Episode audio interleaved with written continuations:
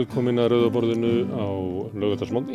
Þá höfum við hér eh, það sem við kallum helgispjall og fáum við eitthvað til þess að heimsækja okkur og sem vil leifa okkur að, að kynna sér. Og nú er það Páll Býring, Takk. hjúgrunafræðingur, skáld, eftirlunamaður. Hvað maður bjóður? Allt þetta. Hvað maður bjóður? það er allt þetta bara, Allt þetta. algjörlega. Herðu, þetta er svona þraut, ég ætla að fá þið til að segja mér svona hver þú ert. Ok. Stundum hef ég ég... vitið það sjálfur? Ha, Heldur ég vitið það sjálfur? nei, það er, það er málið. Sumir hafa nú haft orðað í þessu þáttum að að það er komið eitthvað í ljós sem að þér hefðu ekki alveg að segja áður. Okay. Herðu, en hérna, eh, eitt er svona leikur að, að hérna, til þess að byrja er eh, hvernig fólk svona mann fyrst eftir sér, að, að, það er svona Ok. að hvenar þú og heimurinn hittast að þú mannst Aha. Manstu það þegar þú ert Já, mér fyrstu minningar, ég fættur 51. Ég man fyrst eftir, ég var í Keflavík 54 minna þegar sólmyrkri var. Og hérna, minningar þaðan sko, svona, og líka ég bjóð á smiðustignum. þannig voru þá allir að horfa á sólmyrkani í gegnum filmu Já, ég man nú ekki því, ég man bara eftir svona andrúrsláttunni kringu það og svona. Og þegar ég fór heim tilbaka í bíl um pappa, mínum, ég man þetta, það er svona fyrstu minningarnar sem ég man eftir. Og að smiðustíðum, ég bjóð það til sex ára aldurs, smiðustíð 12 og það er svona mína fyrstu minningar þaðan. og smiðist til 12 Já, Veistu hvað ég byrði núna? nei. og smiðist til 12 Í alvöru? Ekki efnilegt. Þau, sko fjölskylda mín, amma mín og föðu sýstir, afi minn þau, þau flutti þar inn bara bygg á efrihæðinni, það var íbúð þar. Alveg frá, ætlu ekki verið bara 30 eitthvað, 40 þegar flutti þar inn, sko. og er það fyrsta heimili sem að þú Það mannst? er fyrsta efinu mitt, já. Mm. Svona er þetta Svona- lítill bær sem við búum í Og við leikum okkur með kringur rónana og svona. Já. Það var og sátt upp við, við blikkið. sem að var til þess að aðgreina Arnarhól frá Fristúsinu, Kristus já, s- hvað hétta, spænska, sænska fristúsinu. Það var svona svipað, svipað staður og, og austurvöllur í dag, þar sem að, þú ert með skjól fyrir norðanvindinu Einmitt, einmitt. en, en uh, sólinn skín á suðri og þar sáttur Rónaldur. Ég man líka eftir þessu. Og svo að renna sér á Arnarhóli, Já, já, við erum til því. reyna að hitta í, í lítið gat sem að var á vegnum uh, þar sem að, að, að leigubílarnir Já, já, já, og fara svo að renna sér bara yfir lækigötur helst. þannig voru leikinu þá. En hvernig hérna fjölskylda sem að þú fæðist inn í? Fyrir Hæni? já, hérna, uh, þau voru frekar ung fórdra mínir og hérna, ég er, ég hérna á einu eldri sýstur og einu, einu hálfu eldri ég, þetta heitir Hildur, Hildur. Og það var svona frekar mikið bastl á þeim, þannig að ég var, mamma mér veiktist að berglum líka þegar ég var ungur. Svona segir. Já, hún á veist að, já. Þannig að hún var í, það var svona svolítið upplöst af fjölskyldunum fyrstu svona árin og ég var mikið með ömmu minni á smiðstignum og hérna og var líka sendur á Söðakrók til fólks þar sem ég fór svo til alltaf hverju sumri alveg þá til ég var úningur en það kom svona ekki að skikka fjölskylduna fyrir en svona almennileg fót festa fyrir en við fluttum á, á framleysegin þegar ég var sex ára Mm. En þetta var svona ég var náttúrulega móðið minn á skafiri Mm. og hérna fólki, já frekar fátak og fólki skafiri og ég elst náttúrulega upp með þessu bjeringsfólki mikið sko, þessu svona reikvísku smáborgurum sem voru mjög svona þetta var, þetta var hálf fátakt fólk líka sko, en þau held í þessa sína smáborgarlegu digður sem ég kann að meta sko.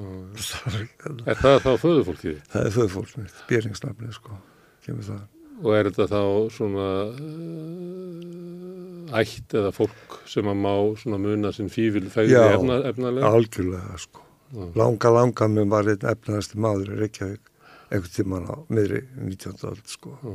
Þeir byrju 19. aldar. Það, fór, það fóst í hafi skipið hans Já. og auðurinn með. Það misti allt sitt þegar mist allt sitt. Og dó sjálfur og hluta fjölskyld hans. í, í, á skipinu. Já, Já. hann var að, hann var að, hann hafði, hafði vetursettur í hérna kaupunum Já. voru að leiðinni, hann átti skip, sko, eigi skip og, og þegar það er sagt að þeim hafa leiðið svo á að komast í djammið, konuna svo dæturum. Það er ekki eftir kallinu, sko, þó hann ekki lítist á blíkuna. Það segir sagan, sko, Þannig að fórst á leiðinu til Danmarkur já, uppi mýrar.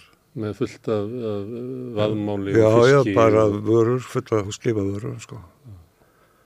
Að og þá var auðurinn farin, sko, Já. fjársýtunar. Svo kallar höfustóll hefur verið í Höfuðstóll. skipinu á leiðinu út og svo aftur á leiðinu til Íslands. Já, já. Og var þetta svona var þetta svona atvik eða saga sem að var öllum ljós í ekki? Já, já, fylgdi. Það var mikið, það var mikið, fólk var mjög stolt af þessum manni, sko, Já. byrjingarnir. Þetta var svona með, með mikið spennir maður. Vel, vel líður og vel látin, hvað maður, Já. en algjörlega, sko. Og heldur hann að hafa verið það stundum er það þannig að þeir sem deyja ungir fá þessa einhverju- Hann var ekkert með ungur, sko. Nei, ekki? Nei, nei. Þetta var góðu maður. Ég held það, það er skrifað mér um, hann var, tímis, hann var einn af þeim sem stóðu fyrir því fyrstu fátakahjálp í Reykjavík og hann var svona framfara maður, hann stóð fyrir land, hérna, semst sléttnum tún eitthvað starf suðurinn sem var með útgerð og það var svona framfara sinnaður kall sko. En með honum fórust uh, ættingjar. Það fórust allir, ég held að það verið tvær dætur, hann var skilin eftir eitt sonur, hann var ungur, hann var skilin eftir Reykjavík. Er það... það er, ég komin að, honum sko. En móðu fólki mitt er, allt, er, er hérna, eins og móður amma minni fættist á alveg einhverju heiðakotti milli, á litla vaskari og hérna bjóði torpaði og svona sko. Það segðu mig frá þeim setna en, en ég, ég, þessi uh, ung, eini sonur sem eftir er. Hver var hans staða þegar að... Hann var bara vinna hjá öðrum sko. Já. Já, hvernig, já, Þannig hann er eiginlega sproti ykkar ættar, eini sem eftir er. já, já, segja það. Og, og er bara eftir það verður þetta alþýðu ætt nema... Nei, ég segi Nei. það ekki. Það þeir aftur það voru eitthvað, sumið þeirra voru ennþá viðrinu vestlun. Já. En afið minn var bæklaður og skósmiður Já, og það var ekki, þú veist, allir bastl. já. En í, þú sagði hérna, þetta er vænt um svona smáborgara Já, mikið hvað, hvað eru smáborgara? Þeir voru kurteisi, sko. Töluðu ekki ítlum fólk voru, og voru svona, já, með svona, með svona góðlátlegan, meinleysan húmor Já, og svona, já, kurteisi, sko. Eitthvað að mynda það. ekki rustar. Nei, það var alveg, það var ekki liðið, sko. Aldrei blóta og aldrei tala ítlum fólk. Kanski undir fjögur augu en ekki. það var hérna. Og varst þú alveg upp með þetta? Já, Áttu erfitt með að blóta eða tala ítlan fólk? Já, ég held, ég, já, ég held að. Ég kannski einn að, jú, ég blóta hann ekki vikið. Það var lærið, var lærið þannig annar stað, sko. Að blóta? Já, ekki einu. Já, það er til þannig að fólk sem er vel upp alið og reynir svona af upp aða sig. það er líka til ofafugt, sko. Já, ég veit að uppreist gegn þessu, sko. Já. Allir saman á sínum tíma. Er það enn móður fjölskyldan, sára fátakt fólk úr skagaferði Já, heiðabílum? Já, litla, já, litla vaskari sem að Já. örfóka kvot hérna upp á, upp á heiði, sko, lungu fari í heiði. Ég hefði nátt fleiri börn, þau átt fleiri börn en kindur. Já. En það komst alltaf að leggja þetta fólk, það var myndar fólk, sko. Og verið líka vinnu fólk sem að var að, tók það jarnæði sem að Já, veit- til þess að geta stofna Já, fjölskyldan. já, einmitt. Það voru oft heiðabíli eða eitthvað sem að var umlega valla hægt að lifa af, kannski bara fá eina, fá eina ár, svo kom uh, vond uh, vor, voraði seint og þá dó uh, beljan, Já, þau voru alltaf, alltaf með kú, sko. eina kú og nokkrar skjótur. Kallinn róa til fiskjar, Nei, þetta var upp á heiði. þetta heiði. Já, það var ekki fiskur. En svo hitt, það er náttúrulega líka svo einhverju ættan og eiga fyrir því. Já, Afi minn var bróður fyrir Friðrikssonar já, sem er fallin núna að stallinum, já, Páll, sem ég heit eftir. Pál, Já. bróður hans. Sér að, að því þú að tala um hérna, forföður eins og fórst var talað um uh, sér að Friðrik uh, á hann- sem svona hluta af fjölskyldinni. Já, já, það var mikið byrðing bórin fyrir honum, sko. Ég, ég, ég, minni fjölskyldu, sko. Nefna, já, Og það var náttúrulega borðin virðing fyrir honum í samfélag, hann var bara Algjörlega, næst sko, í að það var bara já. dyrlingur í lifanda lífi. Sko. já, já, já. já. Það var reist á honum En það var ekki dýtta með að fara í KFM eða svoleiði, sko. Ég fór ekki þangað það var reist á honum stitta í lifanda lífi sem að var óþekkt áður. algjörlega, sko. Herðu, en þessi fyrstu sex ár þegar mamma þinn er að berjast við berglana, ertu þá svona, eh, ertu þá mó- móðurlaus? Kynnustu móðinni í lefti? já ég, ég, ég, man ekki mikið eftir þessu, sko. Nei. Það var frekar systemi sem man eftir þessu. Ég reikla með því, sko. Það þetta ára á mig. Og hvernig heldur það? En það voru náttúrulega aðra konur í kringum mig. Já, amman. Amma mín sem var mín svona uppáhalds kona, manneski í lífinu, alltaf verið. Það var um ömmur hafa bjargað Já, mörgum. Já, já, algjörlega, sko. Hún var mjög, já, og er oft tengst svona aftur í söguna og, og til ykkur að dýbri. Við þekkjum ömmu Lagsnes og, hún hún, sjálf, já, já, og hún þótti svo góð, það var svo góð áhrif á Lagsnes að einhvern tíma sagði það að menn fóru að ljú upp á svo ömmum til þess að eiga þessi tengsli söguna já, sem Já. að bara ömmur geta gefið manni. Mammaðið var þannig. Hún, já, já, hún var mjög, Segðu mig frá henni. Þorbjörg, hún var hérna, hún skalið sér fætt á hérna Kross og það var hún svo mikið að börnum að hún var tekin í fóstur á, í flati, að ploss, hérna, þeir sem áttu plossi þar, vertinum í flati Já. og alinn þar upp. Svo var hún sendið Reykjavíkur til að gera hún í fína frú. Læra að sauma út og búið til veslumat Mm. og þá kynntust hún þessu skósmið Mm. í miklu óþökk fóstur sinnar. Og hún bölvaði því stundum að hafa ekki lært að gera gagn sko. Að sauma, að, hérna, sauma flíkur í staðin fyrir að brótira þannig að hérna að, já. Og, en hún hérna var mjög, mjög elskuleg kona og sletti mikið dönsku. Og hvaðan hafði hún það? Bara held ég hún var fætt 1850 og- 1885 eða eitthvað sko. Það sem að íslenska var bara Svo- dönsku skotari. Já, faðið mér var svona örverfir, yngstur sína sískina.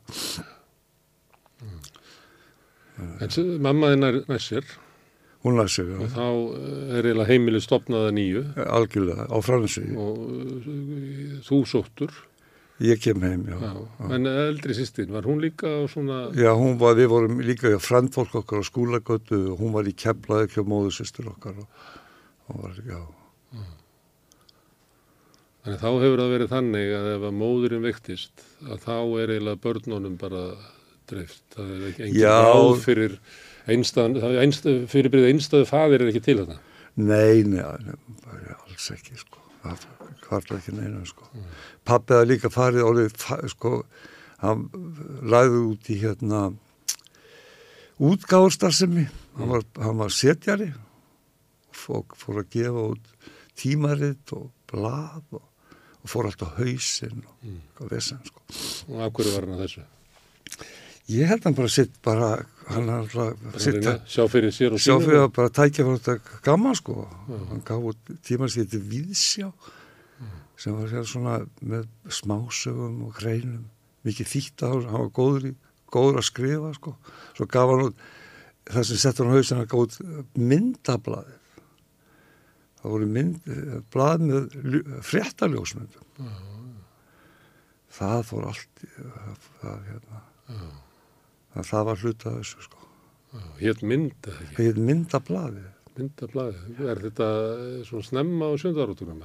Þetta er bara, já, þetta er snemma á sjötta ára, þetta, þetta er á sjötta ára Sjötta ára? Þetta ég er bara sko, við syngum miðjan sjötta ára Þannig að hérna Það var ekki, hérna, þetta passaði ekki inn í Reykjavík þá? Það var, nei, og dýrst í framlöslu sjósa, sko, hann fór, hann fór, hérna, hann fór ill út úr því, sko, fjárháslega. Var það þannig að, að pappiðin vildi vera eitthvað inn öðruvísi eða Já? Veittist til að vera skósmiður? Og... Nei, ég það, það var afið minn sem var skósmiður. Það var skósmiður fyrir ekki? hann var prentari, nei, ja. já ég held að það var svona metna sko að eitthvað, hann alltaf sko hann alltaf hlaut enga, þau höfðu ekki efna þessi þátt að hann hafði ekki efna að fara í skóla, ja. það velgiðu maður og hann, einmitt gegnum KFM, hann kom sér í fór í kvöldskóla hjá KFM til að komast inn í innskóla og svona og svo metna til þess að gera eitthvað meira úr þessu mm.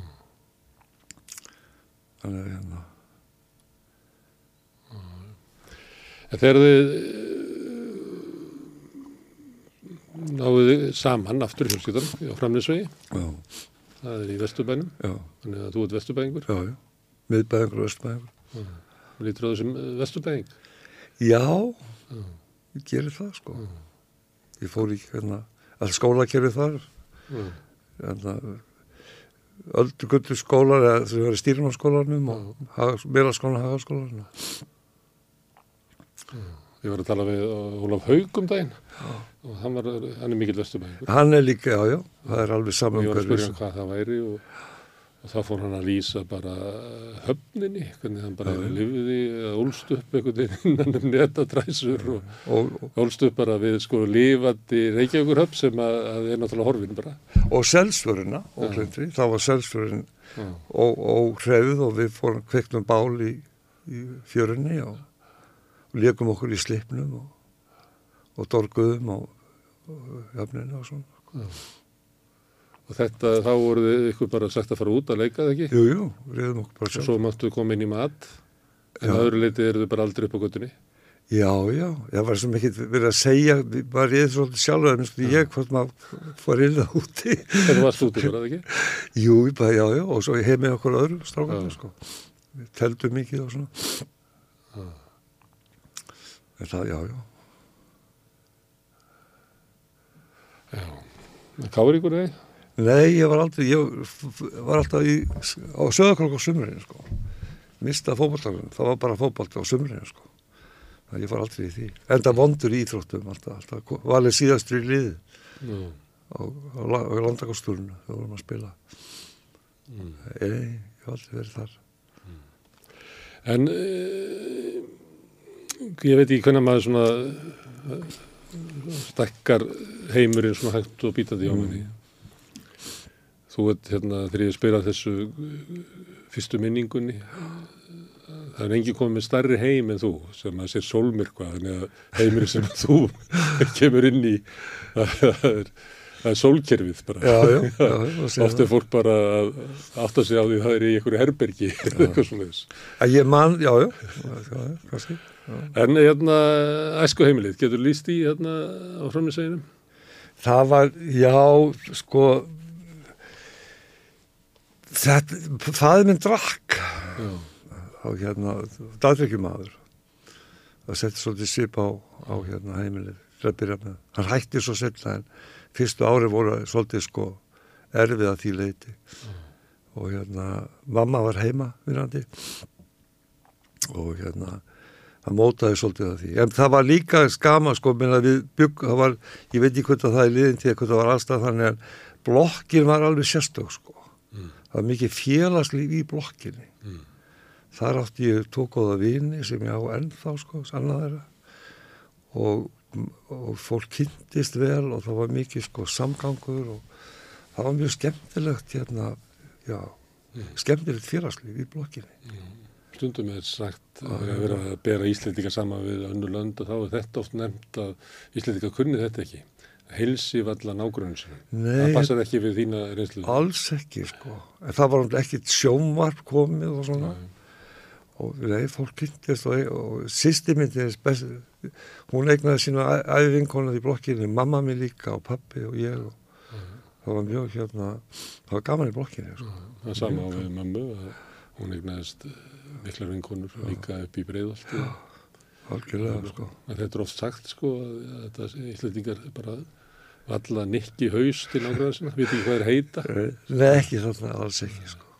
Það kannski er þetta eitthvað sem kemur uh, síðar eða eitthvað. Það er mjög algjörð Já, að tala um þetta. að, ég, held, ég veit það ekki, það var mjög mikill samgangur og, og hérna, fólk kynntist sko.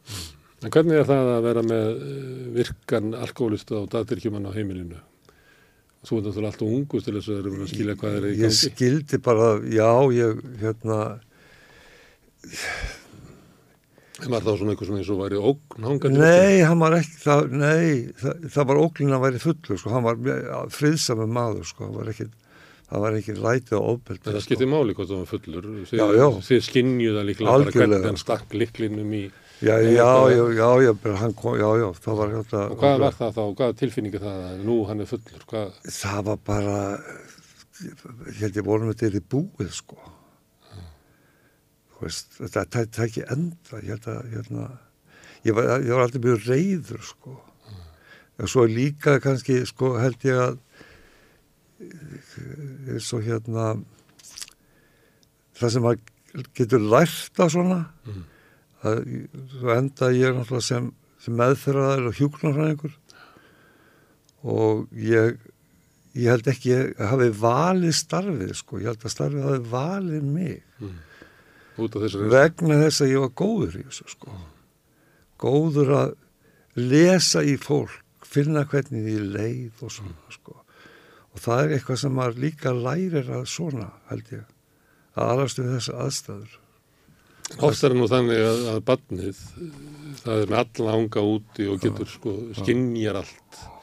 En það les kolrátt út úr þessu sko. Það, það er svona meðvirkni sko. Það, Já, Þú, hérna, ég var, já, já, sko, það er eitthvað hlutur sem ég þurfti að kljást við. það er svona yfir sensitífur hvernig aðri, öðru líður. Já, já, það er líka hlut af því sem við þurfum að díla við, sko. Að, hérna, að verða svona minna meðvirkur og meira professional, sko. Mm. Algjörlega, sko, algjörlega. Það er kostur að hafa skinnjunina, Það er kostur af en hann. uh, gallið með meðvirkninni það að þú lest allt kolvittlust út úr. Eða, eða ert með sjálfa Eða þig er- vittlust staðsettan í... Held, ég held að sé freka þannig manni finnst maður einhvern veginn sko, eða fyrir mig hefur meðvirkur þannig að mér finnst ég bera ábyrðað hvernig öðrum líður Já, þó ég hafi ekki þetta vald yfir því. þetta er allt hér að kenna.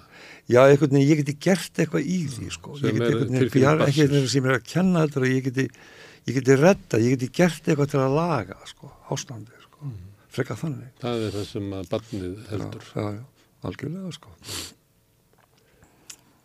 Og margir uh, alveg upp við þetta. Já, já, fjöldi manns. Og losnaruðu við þetta? Eða? Já, ég held ég að með áran losna við þetta, sko. Mm. Hérna, ég fór í, ég hjálpaði mér mikið, það var ég lærði einhvern tíman, hvað er það var það? Ég skilum frítisað, þá lærði ég hérna, fjölskyldum með þér, fór í þryggjára þjálfun í því, sko. Þá þurftum maður að díla við uppruna fjölskylduna og hvað maður hefði tekið með sér það annars slíkt, sko. Ég held að það, það hjálpaði mér mikið, sko, að fara í gegnum það prósess, sko. Sjálfsagt er ég já, ennþá hálf bjagaður, sko, Mm. hálf þetta, við erum beiglaða kynsluðin. Já, já, ég er ekki allar fólk sér að begla það, sko. Já, það er svo maður segir þetta með beigluðu kynsluna því að við bara fórum út í lífi með beiglunar. Sko. Já, það var aldrei já, verið að rétta úr nei, beiglunar. Nei, Sko. nei, nei, algjörlega, sko. Fórum bara með þær. Já, já, Lærðum að lifa með þeim já, eitthvað. já, algjörlega. En hérna, hvernig ferða heimann svo? Ég fer að heiman, eh, ég hef verið 20 og eins ás. Ég hef eftir stúdurpróf. Stofnaði mín eigin fjölskyldu og ég og Sigur, við eignum hún, ég var ára ég fjall í þriðabekk í MR og var stúdent 21 árs Mm.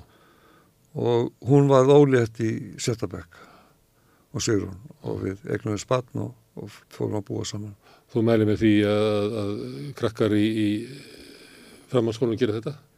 Sko ég mæli segja með því en, hérna, eiginlega spann er eitthvað, eitthvað sem maður sér ekki eftir sko. Nei, nei. sérstaklega að börnina eru yndisleg saman hvernig það fæða sko. ég mæli ekki með því sko. þetta var ekki, þetta var ekki planað Nei. það var, það var ekki á, Þetta er mikil ábyrg svona, já, já, já, já. það er ekki margir sem gera þetta í dag að flytja heimann inn í og vera með sína, bara inn í sína fjölskyldum með badn. Nei, nei. En drakk pappiðin allan tíman eða hætti? nei, nei, hann hætti svo Já, hvað varst þú gammal þá? þá hef ég verið úrlingur ég hef verið svona se- 16-17 ára sko. Og akkur hætti hann? hann bara, hann var bara veik, hann fekk bara guðluna Hann gat ekki drukkið hann gat ekki, hann bara fór í þetta er gamla aðferðin, hann fór bara hérna, fór á spítala og, og bara hætti sko sem betur fer Var lifurinn verið að gefa sig? Þannig að þú- hann þú- kom, já, hann er komið gul og þú- Þannig að er ekki maður. algjörlega Nú sko. er eh, hérna, skorpulur orðin bara algeng á Íslandi eins og annars þar. já, já, Því að það var fátítt að menn drikkju eins og pappiðinn. já, já, Eða þú veist, ég veit ekki fátítt. Það er algengar að hitta að menn verið svona túramenn. já, já, algjörlega að hérna, menn verið að reyna að halda sér eitthrú og svo, svo duttur í það og gátt ekki hætt já, og slíki menn fá ekki að þá fari lifrin kvíld en dætríkjumenninir svo að fólk sé að södra bara alla daga, bjór eða léttvín og að þá kemur skorpulurinn já. en var hann þá með skorpulur? Ég mér- mér- hann fikk guðluna, ég veit ekki, það hluta að lifrinu var ónýtt, sko, hann, hann var eitthvað eftir þetta, ekki, hann gætt lifað eftir þetta lengi, sko. En hann hætti ekki, já, Nei, var ekki fór ekki í stúku. Það var ekki komið þá, sko. Það, það var rétt, rétt áður en fríport að þetta byrjaði sem hann hætti. Þegar þú horfið tilbaka, hvernig var svona hans edrúmennska, hvernig, Hún var, hún var fín, sko, hann var svolítið mikið, hann var alltaf mikið nótið að lif þá, sko, Mm. róandi lif og svo, er ekki að fara ítla með hilsan, sko, líkamlega. mm, En það funkar ágætlega og þau áttu góða, marg, nokkra áratíu, góða saman, hann og mamma, sko. mm, Ferðuðist mikið og saman og, bara fínt, sko. En ég held að hérna, það hefur verið hotlara fyrir hann, þessi, það sem kom síðar að, mm. að vera edru gegnum aðfundi og hann slíkt, sko. En aðsamtöki var náttúrulega mjög veik hann. Þetta er á sjönda áratugnum eða Þetta er á áttunda nei, þetta er á áttunda áratögnum, sko. Nú, Já, ég, var, ég fætti 51, sko, ég hef verið 16, já, þá er það hérna 67 67, Já, það kalla ég sjönda áratugnum það fyrir ekki það, já, að það er. En hérna, já, ég manni eftir að hérna, mamma var að reyna að fá pappa til að hætta að drekka á þessum árum. Já. og þá fór hún svona hinga og þanga og var að spurja konur sem að hefðu lent í þessu sama að eiga drikkjumenn og hún, að því hún nefnir róandi lifin, þá fór hún til einnar konu og, og spurði hvað, hvernig hún var að fastu þetta. Og hún sagði að ég fór til læknisins og, og fekk lif Já, og mér líður miklu betur eftir. Og það var það náttúrulega bara valjum. Og mömmu fannst það einhvern veginn alveg fráleitt að hún ætti að taka lifa því að pappi verið veikur. Já, hún, já, já. mamma hefur aldrei tekið lífur, en ennþá, mamma mér er ennþá á lífi, sko, 97 ára, hæsta helsu. en svo fóð mamma á næstu fjölskyldu. Og þá hafði sá maður hætt að drekka og hérna færði í Fíladelfi og snúist. Og konan sagði við mömmu hérna stundum þegar hann hérna stendur yfir okkur við kvölduraborðið og messar þá veldi ég fyrir mig hvort þau væri ekki bara betur sett að vera að drikja þannig að mamma vildi ekki setja pappa í, í, í kirkjuna. Nei. og svo hitt hún aðra konu og maðurinn hennar hafði farið í A og það fannst mömmu vera hljóma vel. Mhm. þannig að hún kvatti hérna pappa til þess að fara. Og virkaði það? Já, hann, hún gæti talið hann á að fara á eitt fund og beðið náttúrulega spennt heima þegar hann kom að fundunum og spurði hérna hvernig var. Og það sagði þetta voru eintúma fyllibitur. Það er sko sjúkt og sinnsægið er ekki alltaf gott hjá alkoholistur sko. Heldur að pappin hafi litið á sig sem alkoholista? Já, já. Já. Og var að reyna hætta að drekka það? Já, hann vildi þetta sjálfur sko. Já. Já, já, algjörlega. Hann reyndi ekki til hennar vikti sko, bara.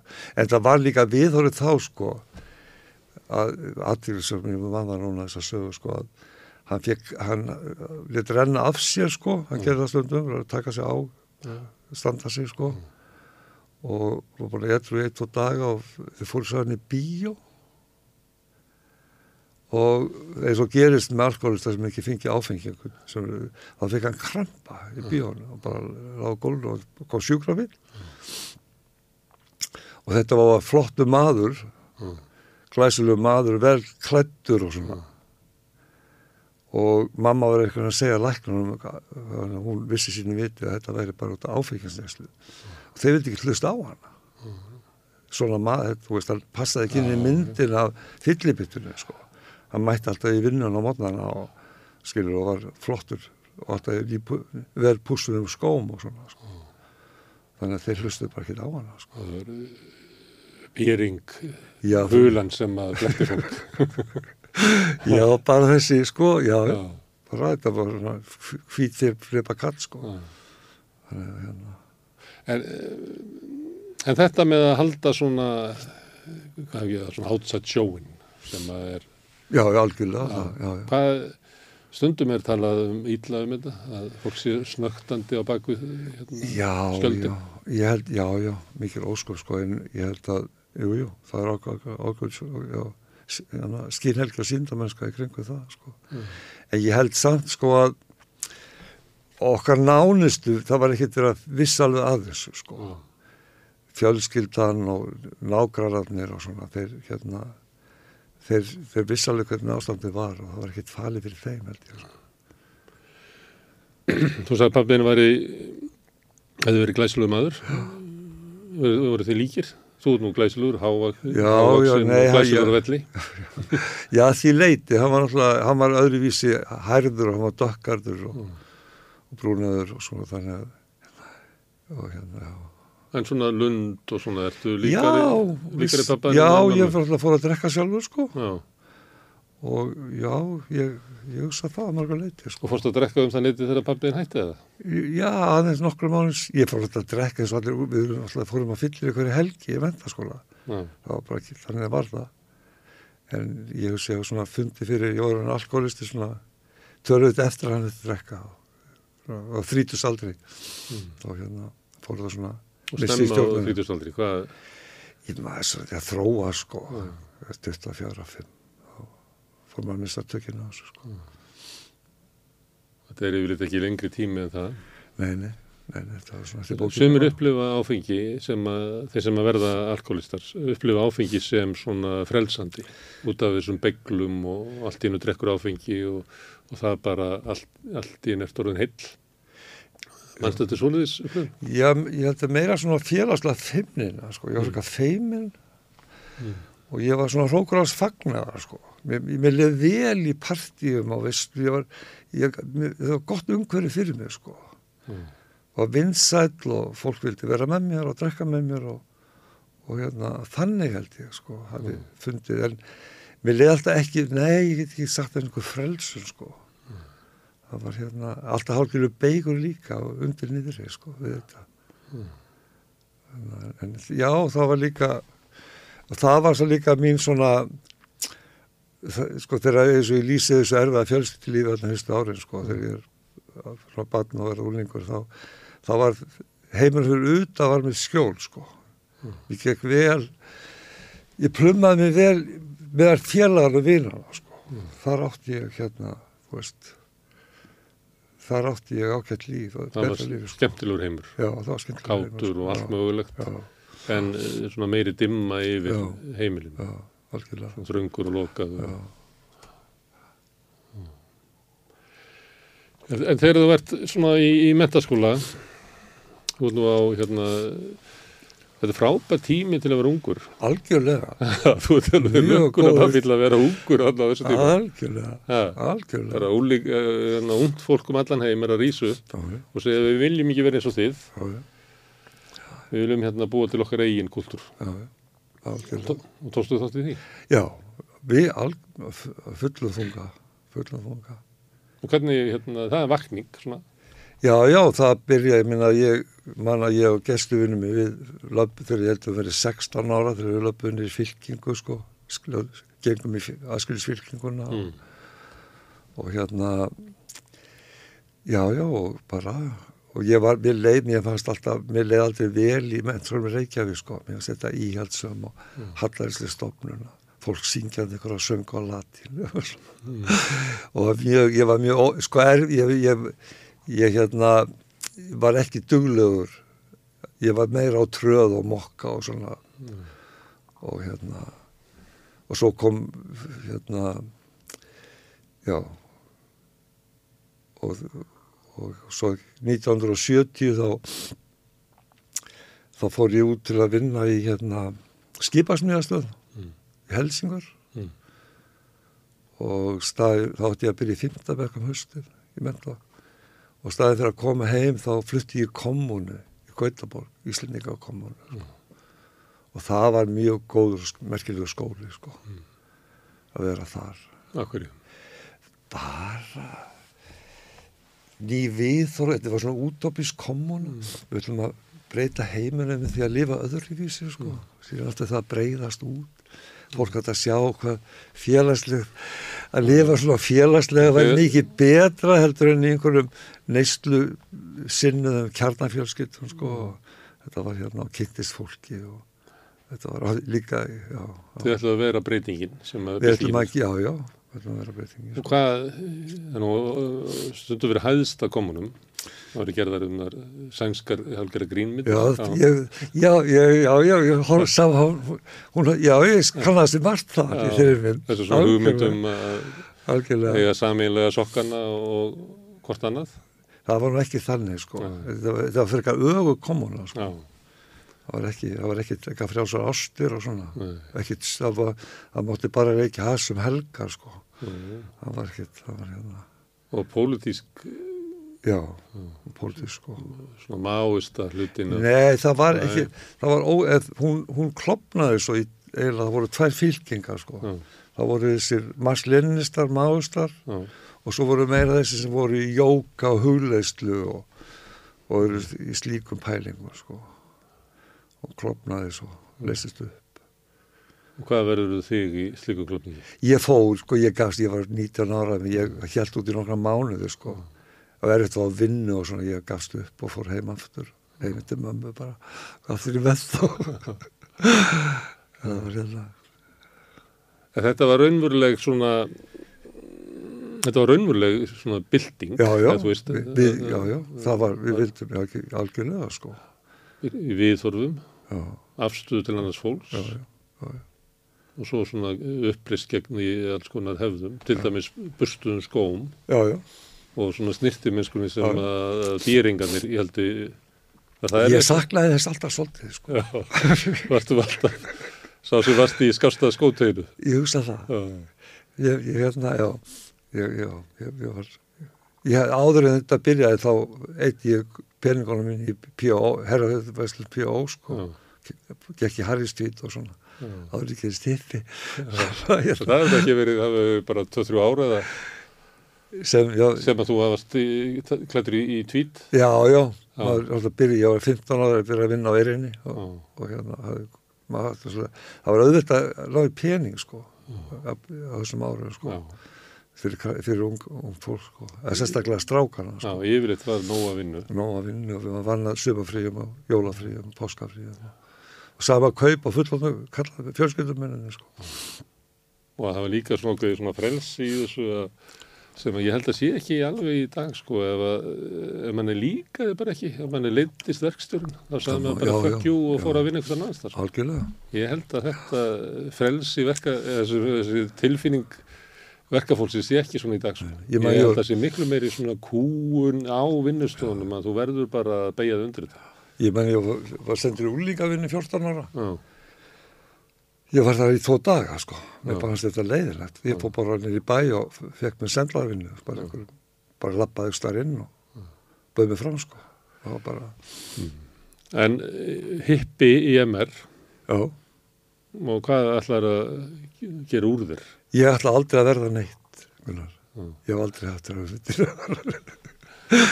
það var svolítið þannig, það var líka ákveðið mótur og ég geti, maður geti hug, sko, hugsa sér að hérna, þessar uh, stopnarnir, borgarlu stopnarnir verða læknir eða lögfræðingur eitthvað svona sko. Mm.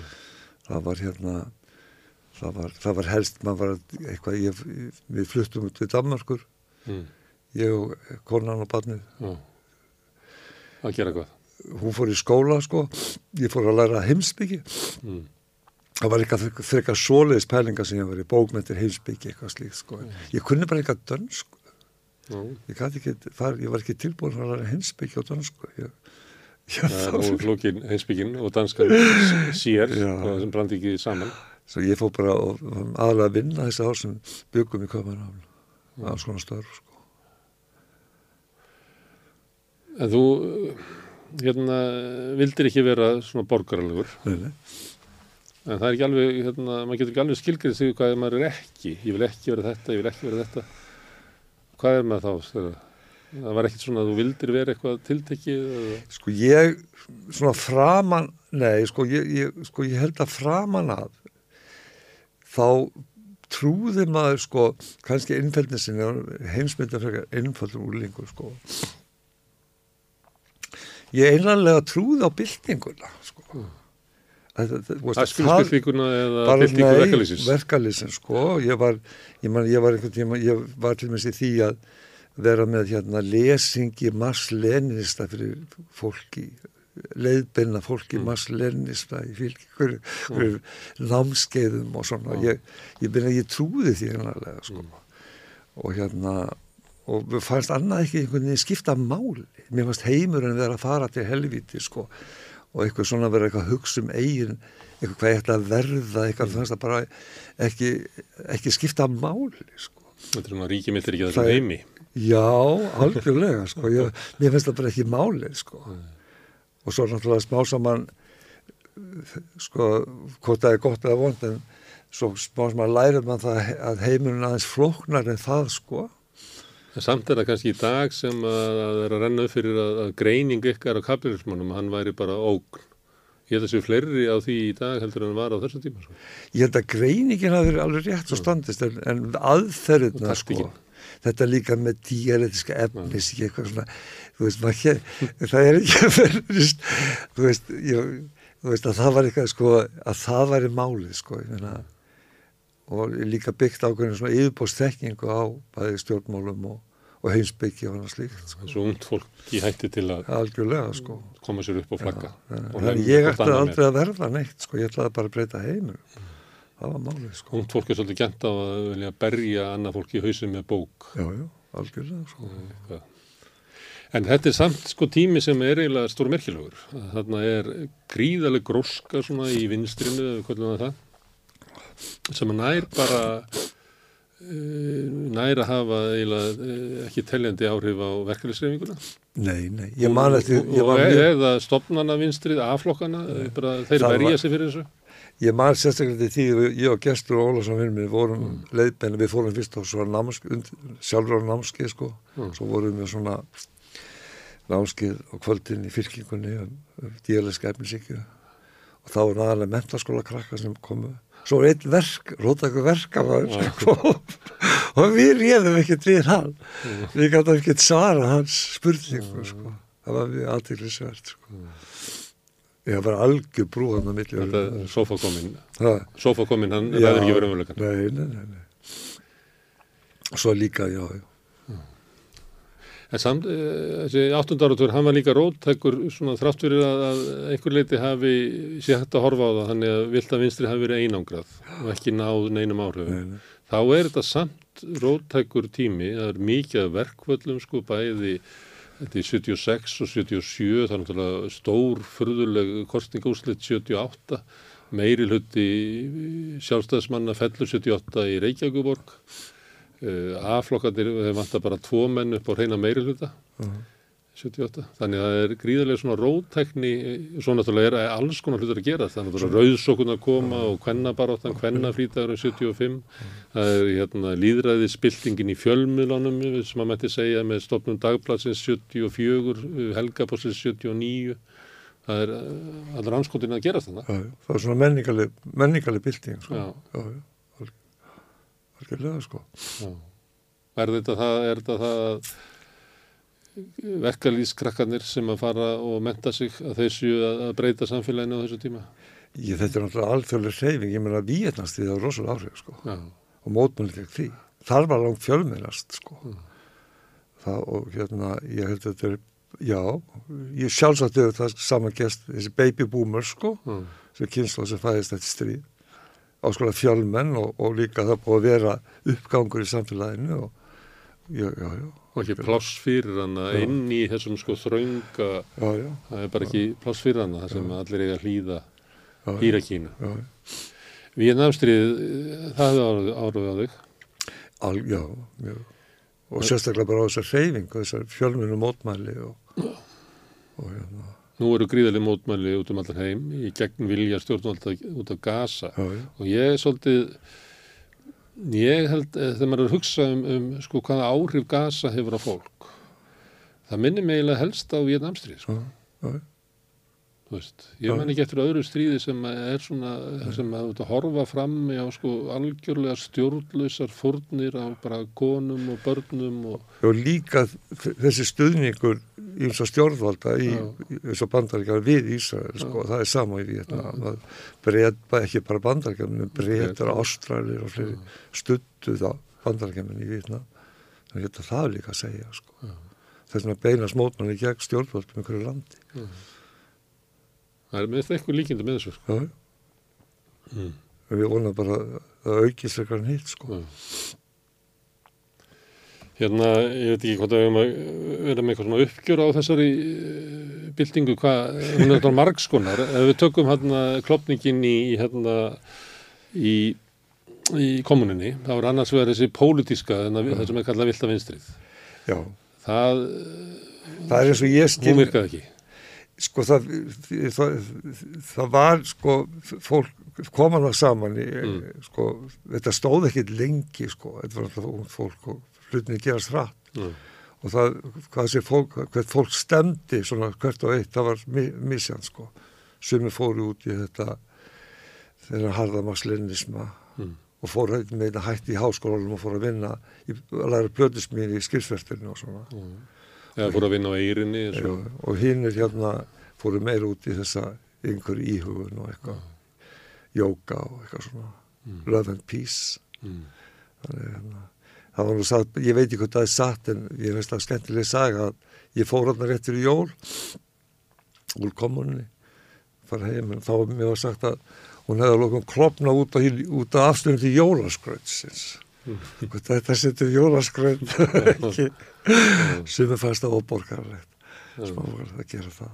En þú lærið þessu, þetta er aftur, hérna, minnir mann svolítið á, á nútíman, þar sem að fólk er alltaf svona, með svona síðfyrir stóma hvert yfir öðru, það er svolítið engin á umræðin í dag, ok, að hérna, veist, hverju læka hjá hverjum eða þú kannast við þetta, Nei, ég kannast svo ekki með, ég er ekki, þú ert ekki þetta inn í þessum ég er ekki mikið við með því sko. ég held að þetta sé líka svolítið ríkjandi í dag, hérna, þessi svona ströngu síðfyrslegar kröfur sem að fólk gerir hvort á annað, Já. hvernig hegða sér og hverju afstæðið er, hvað það segir, Já. og, og hérna bröðust við með offórsi já. Og og maður veit það. Og það er bara það að þú notur jólaskrutt afhjúpar algjörlega hverju verðt.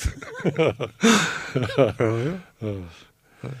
Herðu, en eh, að þetta- hérna, þessi tími, hérna, eh, Adam Curtis sem er hérna góður sögumæður, eh, breskur sjóhansmæður, góður í að segja stóra sögur. Hann myndi orða sko sögu þessar kynsluðar eitthvað eins svona. Eh, Það var til gríðarlega pólitísk vakning út úr anstöðinu við Vietnamstriðið og krafa um eh, afgerandi samfélagslega breytingar. Eh, Því var hleyft einhver leiti í gegn með svona líðræðisvæðingun í skólakerfinu, sérstaklega í Evrópu, að, að það var hlustað eitthvað nefndunar og eitthvað svona smá, en þessu var mætt af mikilvæg hörku og, og sérstaklega í bandaríkjónum þar sem að, að, að Ronald Reagan hérna, sigaði þjóðvarliðinu á hippana í San Francisco. Þannig að það var mætt bara það var bara barið Mexíkó. krafa þessara kynsluðar um raunverulega samfélagslega breytingar. Eh, síðan kemur náttúrulega dópið sem að svíkur svolítið fólk mm. sem að var, hérna, fólk trúði því að þetta væri sko leiðin að framtíðinni en svo náttúrulega eh, dópið þessi eðlis að það svíkur á endanum. Þannig að það er líka svona harmsaga og þá hérna ge- eh, gefst stór hluti kynnslóðurinnar upp og kemst á þeirri niðurstuð að eina leiðin til þess að breyta heiminum er að breyta sjálfum sér.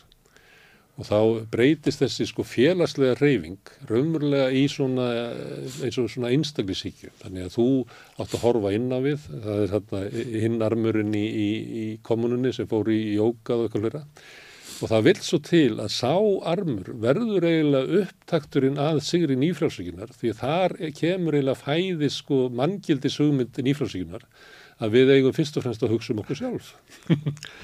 Hvað segir við þessa, já, Ég það er er svo skemmtilegur en það segir mangi svona með svona einum svona stórum pensli. Ég veist að einföld, ég held annars sem fólk gleymir eins og þú segir það að þó að það hefur stór fjölmur reyfing Já, og hérna og, og ábyrrandi og aktív þá náður hún ekki til fjöld meirihlutans. já, Meirihlut ungs fólks var ekki í þessu. Þetta var subkultúr. Þetta var, sub, já, stór subkultúr. Ég held að gleymi svolítið. Það, það fullt af ungu fólki sem var bara ekki þarna, sko. Fólki sem, sem hlusta á ABBA, sko. Sem voru, hérna, skilur, ég held að það sé líka, hérna, og svo held ég að, ég veit ekki með þetta með frjálsíki, ég held að hún eigin og rætur annars það líka, sko. Já, já, já, ég, ég bara byggur ekki til, en, en þetta er svona, Já, já, uh, svona þessi manngildis breyting. ég er alveg sammála því og ég sjálfur upplýða svona hugleggingar á þessum árum, sko, til hvers maður væri að, sko, það væri eiginlega tilgangslaust þessi innhverfa íhugun og allt Mm, þetta, sko, vegna þess að það myndi ekki hafa neina, þú veist, maður, þú veist, ég, ég var svolítið meira þar, sko, það, það væri algjört, sko, allt í lagi að fólk gerði það fyrir sjálft sig, sko, en það mætti ekki koma niður hinni baráttunni, sko, Já, ég var fyrir þar. þú verður að reyn, reynsa út úr jókatímanum að fá fólki í kröfugungu. það væri já, já, já, já, manni fannst það svona hálf smá borgarlegt sko það allt sko. Og þessi svona í- sókn ég á svona trúabröð ég, hérna, Hari Kristna reyfingin og þetta allt sko. Og bútismin og allt þetta sko. En það voru stóra hugssjónir já, já, og fólk fór bara fram úr á mótnana til að breyta heiminum. já, já, eða já, eða var maður ekki á timpraður Varstu hérna, eh, það er ekki gott fyrir íslenskan uh, ofnislumann á ungum aldri að flytja til Danmarkur. Nei, ég kom mér líka það, sko. Ég hérna gafst upp á því, það var aðra vegna, já, mér leiði ekki, mér varst ekki, ég, eins og ég segi, ég stundaði alveg verkamanninu, Já, gafst upp á skólanum og það var ekki, ekki, ekki gott að vera verkamaður í, í Danmarku, sko. Af hverju? Allt um menning. Ok. Með alltaf, ef að verkstjórinn kom þá, þurftum við að taka sópin og þykast þar að s- gera eitthvað. Það var svona, það var ekki vanið því, sko. Svo ég fór, ég fór Svona Danina, yfirborðs- Svíjarnir segja að þetta er ekki skandinaf, þetta eru þjóðurar og einmitt út af þessu, sko. Það er svona, svona hýrakí, Já, það er svona ákveðnar í Danmarku já, og mann halda þessu líka glað en svo að maður kíkir aðeins inn í það þá geta það verið alveg rosalegar, ég veit ekki hvað að kalla það, þurrbömbur. En ég átti þetta millibil, sko, ég fór, fór, fór frá Danmörku og fór á sjóun í nokkur ár. Það var gott við drikkjum en að vera tóra, sko. Það er ekki hægt að vera fullu þar. Þá var þurfum alltaf að renna af sér, sko. Tíu daga, minnskosti. Og hvar, uh, hvaðan? Ég var lengst á neskustaf, á barðan. Og bjögguðu þá á neskustað? Nei, nei, ég bara skipið skildum, sko. Hún held áfram í sín námi, og Sigrun, og ég, ég fór, til, fór, fór að hérna og stundaði f- fyrst að sumavert í eigum og svo fór ég, var lengst á Eskifyrði, Norrfyrði. já. Þetta er, Á er, er, er það mörg ár? Ég var svona 2-3 ár sem ég var í þessa já, þrjú ár kannski allt sem var, var í þessa það var, það var gott góð tími. lærdóstími, já, góð tími Mm. já, góði félagar, það var skemmtilegt sko Já. og það eins og segja, það var gott fyrir heilsuna líka, maður hafði gaman að drakk, að drikkjum maður gott fyrir heilsuna að tóra Já. Svo styrkist maður náttúrulega í svona Svo- já. verkefna vinnu. ég var, ég var matsinn alltaf Nú. Já. Já. já. Og maður styrkist ekki við það. það var, já, jú, jú Já. bara, bara, jú, jú maður veist það já, já. En ef maður verða svona teknist að sögu, þá er það hérna, þannig er alkoholismi byrjar að undan þér. já, já. Eh, og þetta er bara eftir að Þú vestu að missa ungu fjölskylduna frá þér. Ég við að það hafi, já, það er sitt að segja sko já, byltingið þín er ekki að koma. nei, nei. Þannig að í skálsugunni um þig væri þetta svona dabur tími. Nei, ef þetta væri íhugna tími, já, það var góð tíma þannig er, er Páll að íhuga að að þetta er ekki að ganga upp hjá honum. nei, nei. Og, og hvað ákveður hann þannig þegar hann kemur? Ég ákveði ekkert maður. Nú. Ég hef aldrei ákveða. Ég var bara þetta tíma, svo sá ég, ég, ég ákveða þetta, ég, ég þurfti að stóð fram fyrir ákveðin allir að gera þetta að, að minni professjón, sko. Og þess verða bara matsérn og íslenska fiskibárflótanum. Það, það blast alveg við mér, sko. Já. Að bara gera þetta. Eða, eða ekki, sko. Ég ákveða að gera það ekki og flytta eftir Reykjavík, sko. Og þá byrjaði ég raunina í mínu hjúgruna störfum, sko. Fór fyrst að vinna á Kópásærinu. Bara ég fekk vinna þar og, og hef... eins og var á Galgett á þessum árum. Ég var á Kleppi til dæmis og Já, já. ég var í le- leikskóla og Já.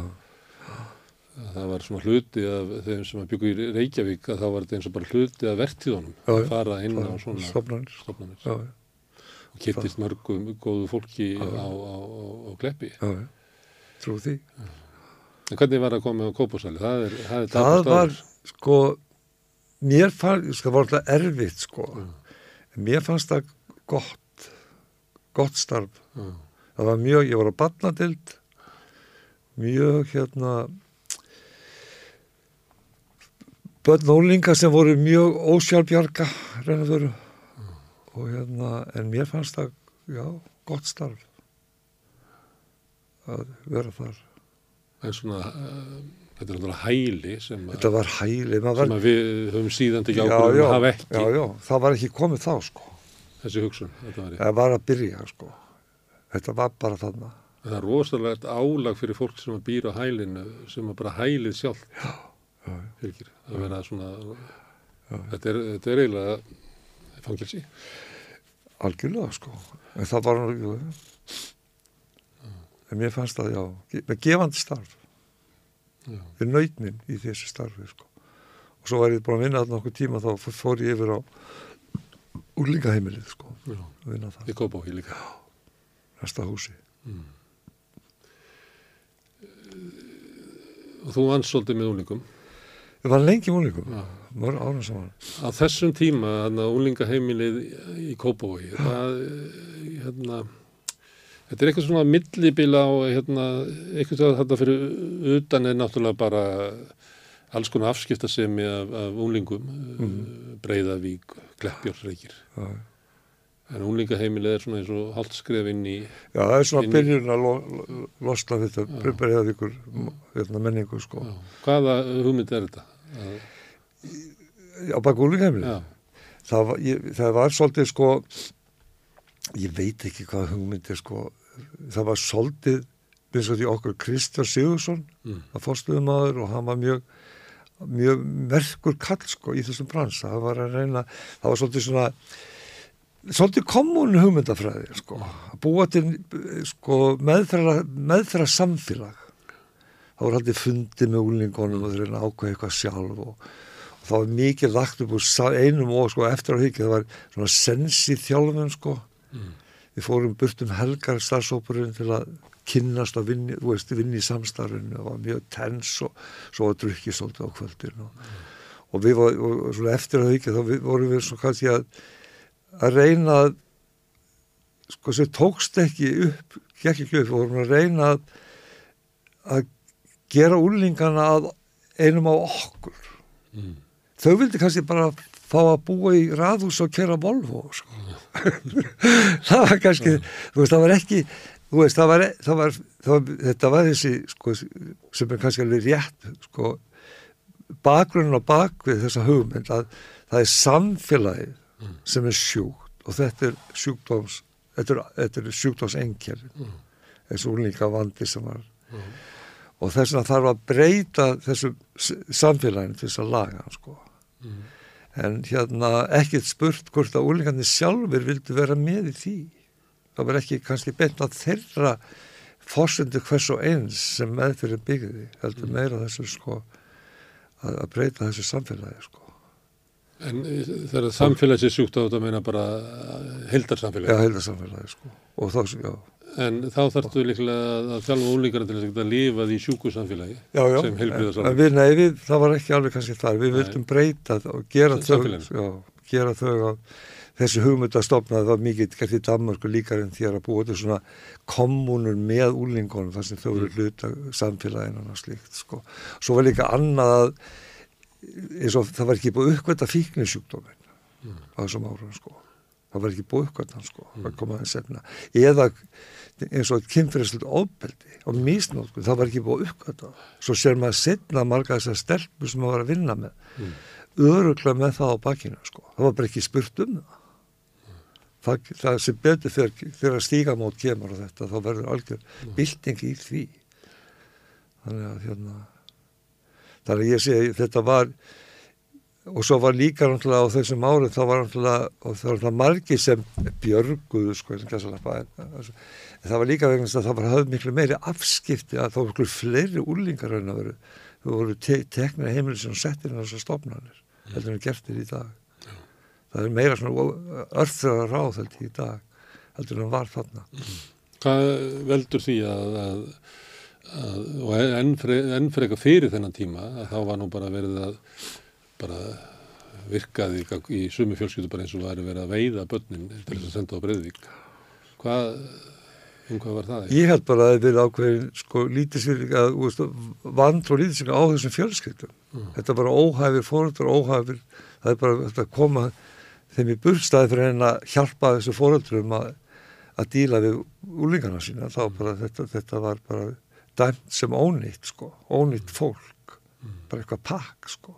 Og bara eina leðan að bjarga börnum var að taka því burtu sko. Ef maður losnar aldrei við fóröldar sína, svo þú koma að Breiðavík þá var það einu staður sem höfðu það var rátt í fólk sinna þannig að þetta var náttúrulega sko aldrei, aldrei, já, þetta var okkur stjætta rauninga stjættapólitík sko. Þetta var svona líðurinn sko líðurinn. Svo krakkarnir líka settir á vöggustofuna eins og koma fram núna og, og kannski er ekki þessi saga öllu leiti sögð. nei, En myndur þú hérna reyna að skilja sko úlíka heimili sér framald af þe- þeirri sögu, Breiðuvík? já, já, að framhald en þó rétt átt sko Já. það er þó hægt, hægt þessum refsingum og ofbeldi og svona það var, Mm. það var mann, miklu mannúlega En samt var, hérna voru krakkarnir hérna gegn sínu vilja. það var, já, já þau voru það það voru félagsmáli badnavendanendur sem þá voru það eru þau sem tók ákvarðinu um þetta Mm. Það var bara, það var bara og er það, það er alltaf ennþá í dagaldi oft eins og á stöðlum og svona Mm. úlingar er það gegn sinni vilja Þegar ég var að vinna á Kleppi þá réði ég ekki við þetta sko. Ég vann í fyrra skiptið eitthvað svona tæft ár, svo hætti ég bara svolítið svona veginn bara búin á því sko, tilfengulega. Ég bara var ekki undir þetta búin og með þetta bara, með þetta bara svo erfitt að ég var eiginlega bara búin á því sko. Svo hérna, að því þetta var líka einhver leiti gefandi og gott sko, og þá sótti ég um hann aftur. Þá gafst ég upp bara eftir fjóra mánuði.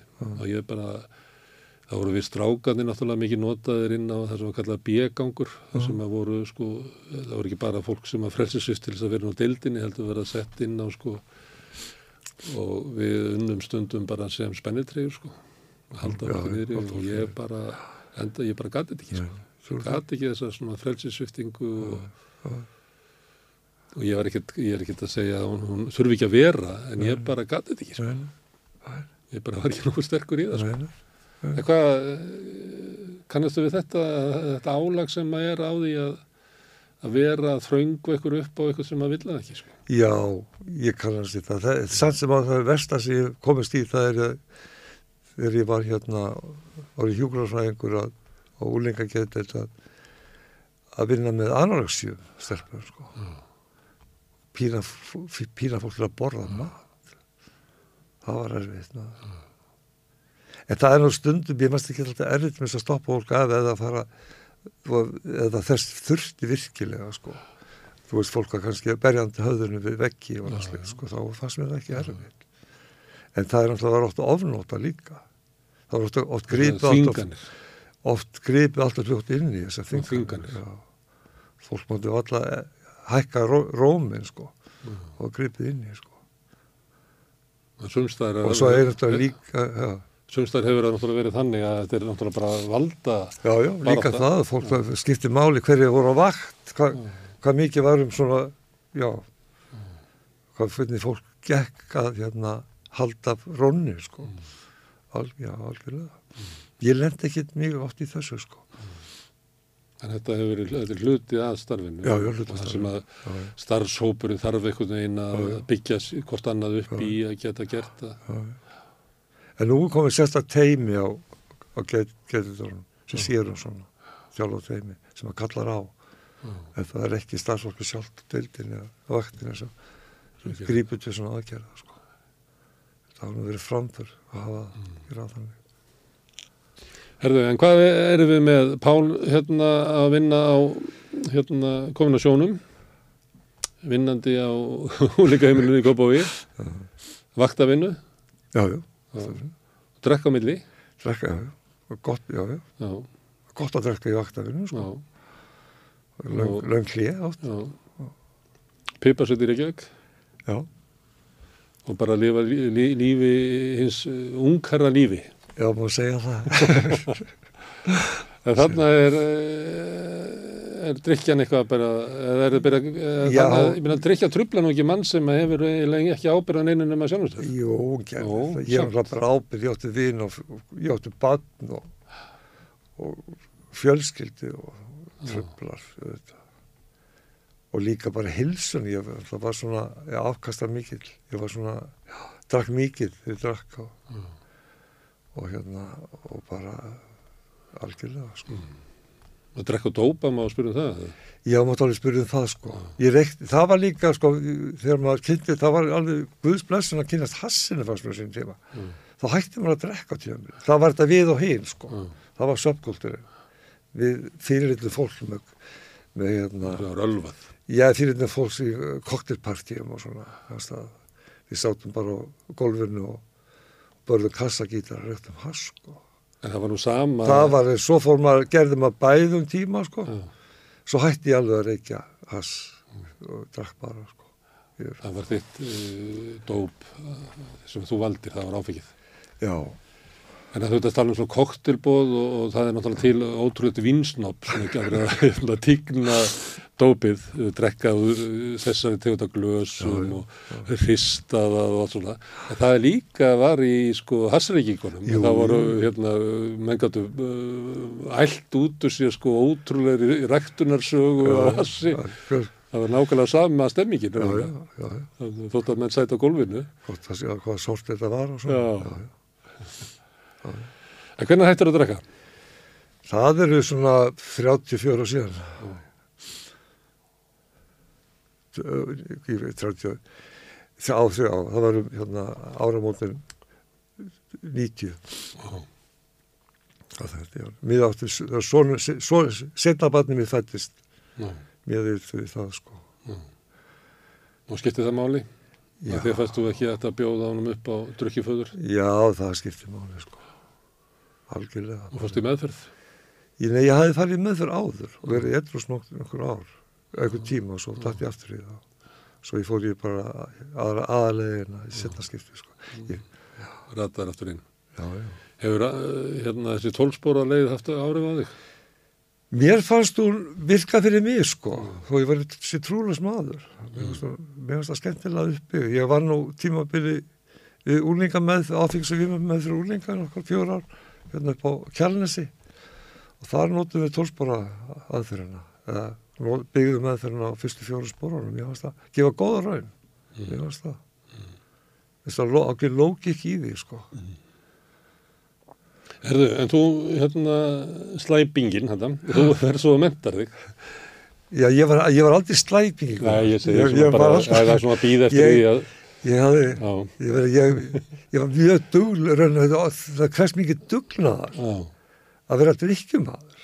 og verið í fullri Það vinnu. mikið, mikið fjárútlát. Þetta var mjög duglegur. Algjörlega. Nei, svo, já, svo fór ég utan til náms 1994 með síðari einkonu minni og sinni. Og þá fyrir að læra, Ég fór í fyrst í mestranám í hjúgrun, sérum í geðhjúgrun og síðan í doktorsnám. Í Austin, Texas. já, Dásalegu staður. að hverju er þetta svona gam, ske, Suðastu Texas er skemmtilegt. Kúr, kúrikar og mexikanar og blues og mikið blues og country og svona tónlist. Og svona, svona lay-back minning. Ég það mjög skemmtilegt. Og stóru borgirnar í Texas er oft, er kjósa sér demokrata Já, þetta er. Austin er mjög frjálslind, svæði, sko. Það er að mennur hugsa um, um Texas þá sjá menn oft fyrir sér sko já. dreifðari byggðirnar og harneskjuna og grimmu viðhorfin og svona, það á ekki við um borgirnar. ekki þessa, ekki, og ekki suðustu Texas sko. það, það sem eins og í San Antonio það er meiri hlut íbúðir Mexik, eða ekki Mexikanar það var búið þarna undan ára bandargerðin komu sko.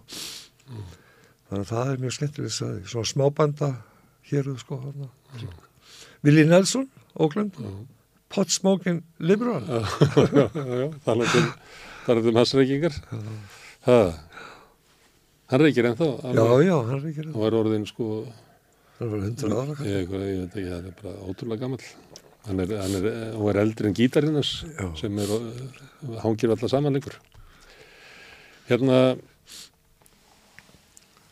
þannig að þú ákveður að menta því þessu sem að þú hefur Já, verið að vinna, uh, rakst inn í að Já. fjálgeri tilvíðinu. Já.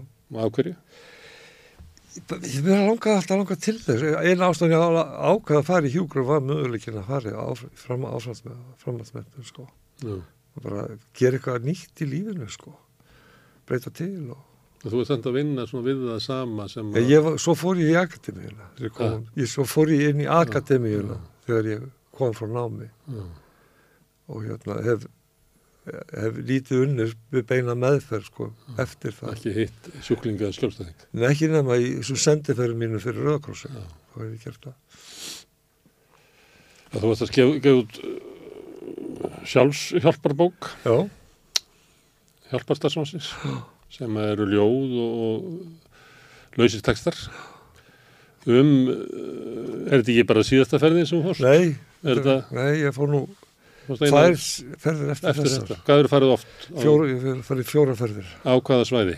Ég fór fyrst til Níkaríu, hérna, út af vinna með Rauðakross starfsfólki þar. Já, Eh, Það heitir mér að veita sjálfs, sálfélagslega aðstóð.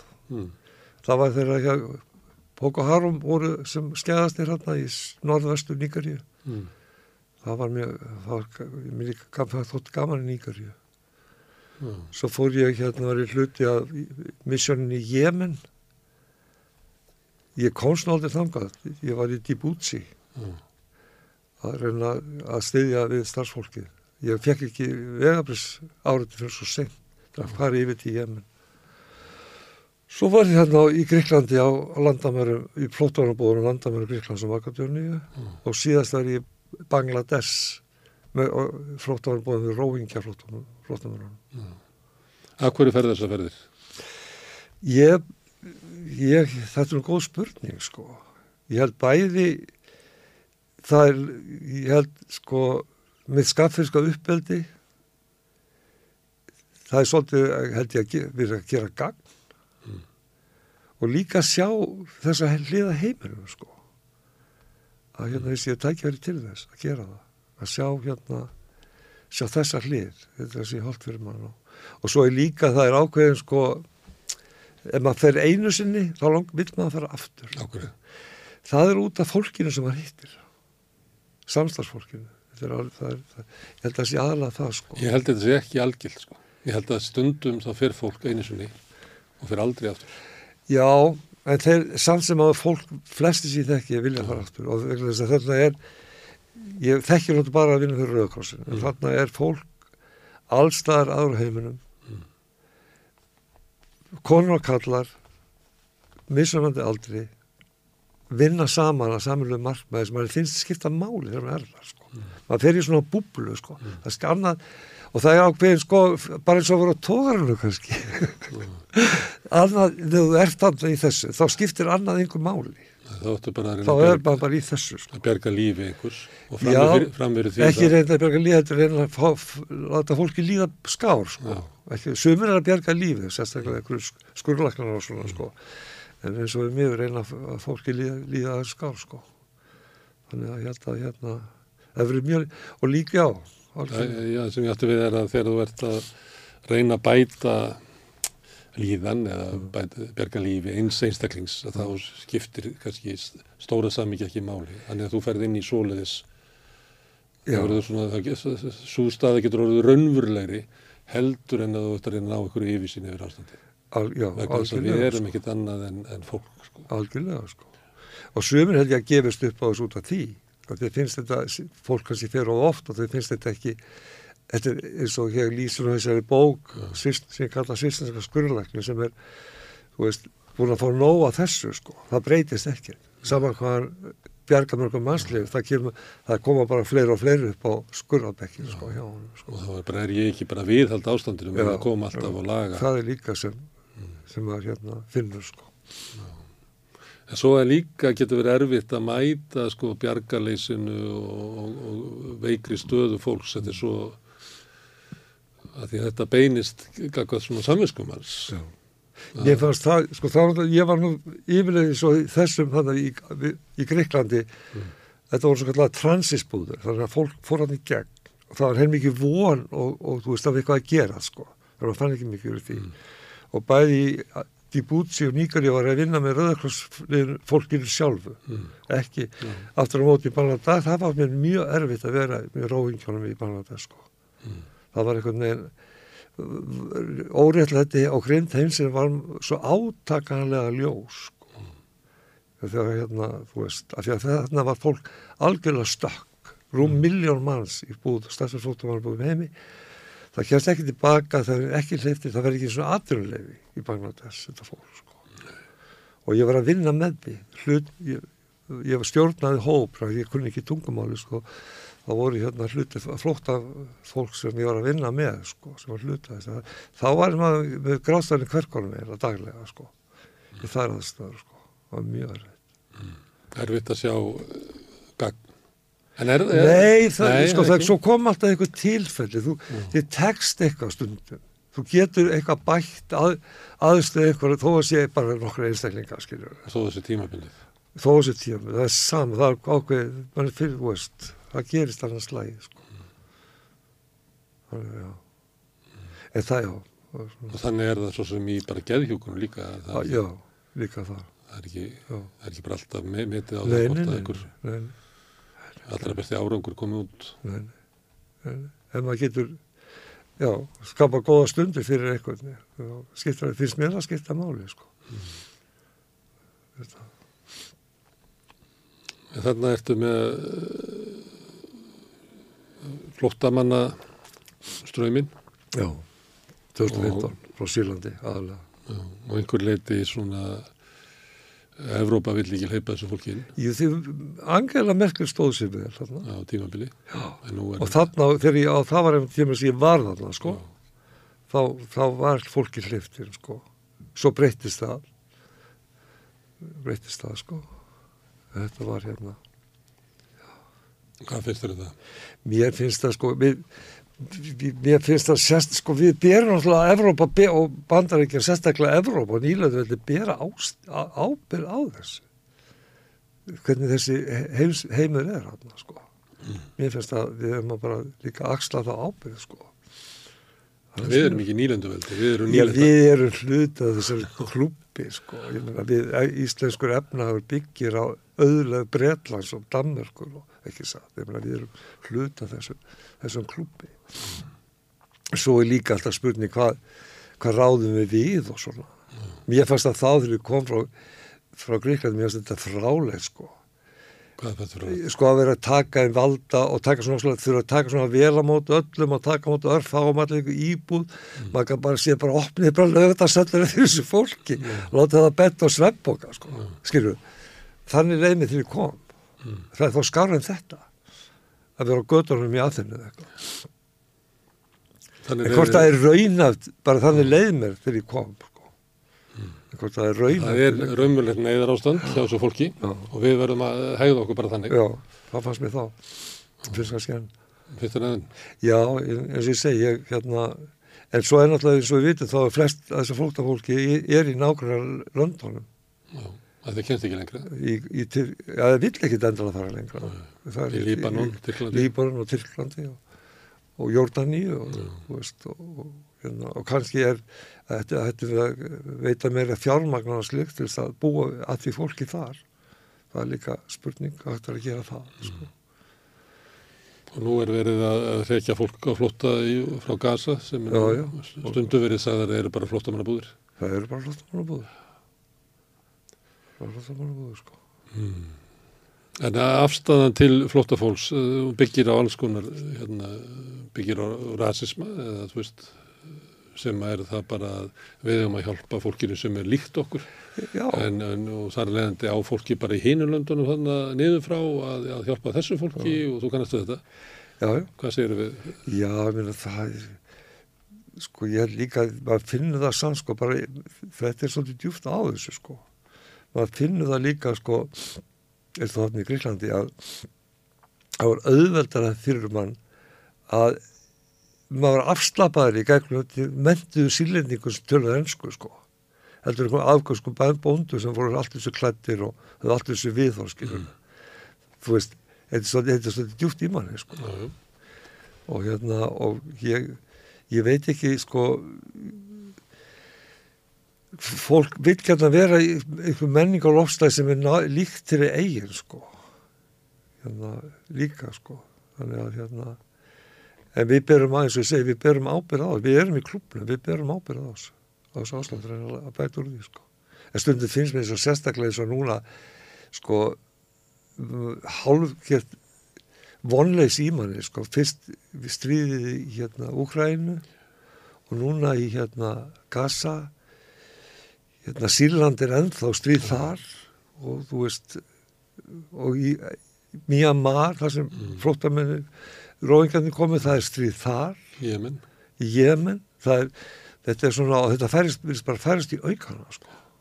Það verður aldrei verið ófriðvænlegra í heiminum en nei, núna. nei. Aldrei verið stríð. Og, það er svolítið svona já, mm. ég veit eiginlega hvernig það sig í þessu Gunnar. þú kannski Nei, ég veit ekki. Ég, það sem er mér finnst til að mér að svona eh, sérstakt er að einhver leiti þá kannski trúðu við því að þetta væri alltaf okkur réttri leið. Það var manni kenning fannst- nýfrælsíkunar, að allt væri á réttri leið. Að bara aukin viðskiptið millir þjóða myndu draga og fátækt og smátt og smátt eru öll ríki bara eins og bandaríkin. Það var svona eh, end of history kenningin. Er er þetta er fatt múlsinn sko. Já, það er er breytt valkostur og við erum að leiðinni þangað.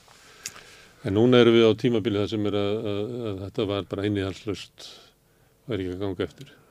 Og það sem að mér finnst hérna eins og bæði í samvætti Úkrænu og Gaza er að það er eins og svona stjórnkerfin á Vesturlöndum hafi engin ráð, engin tæki.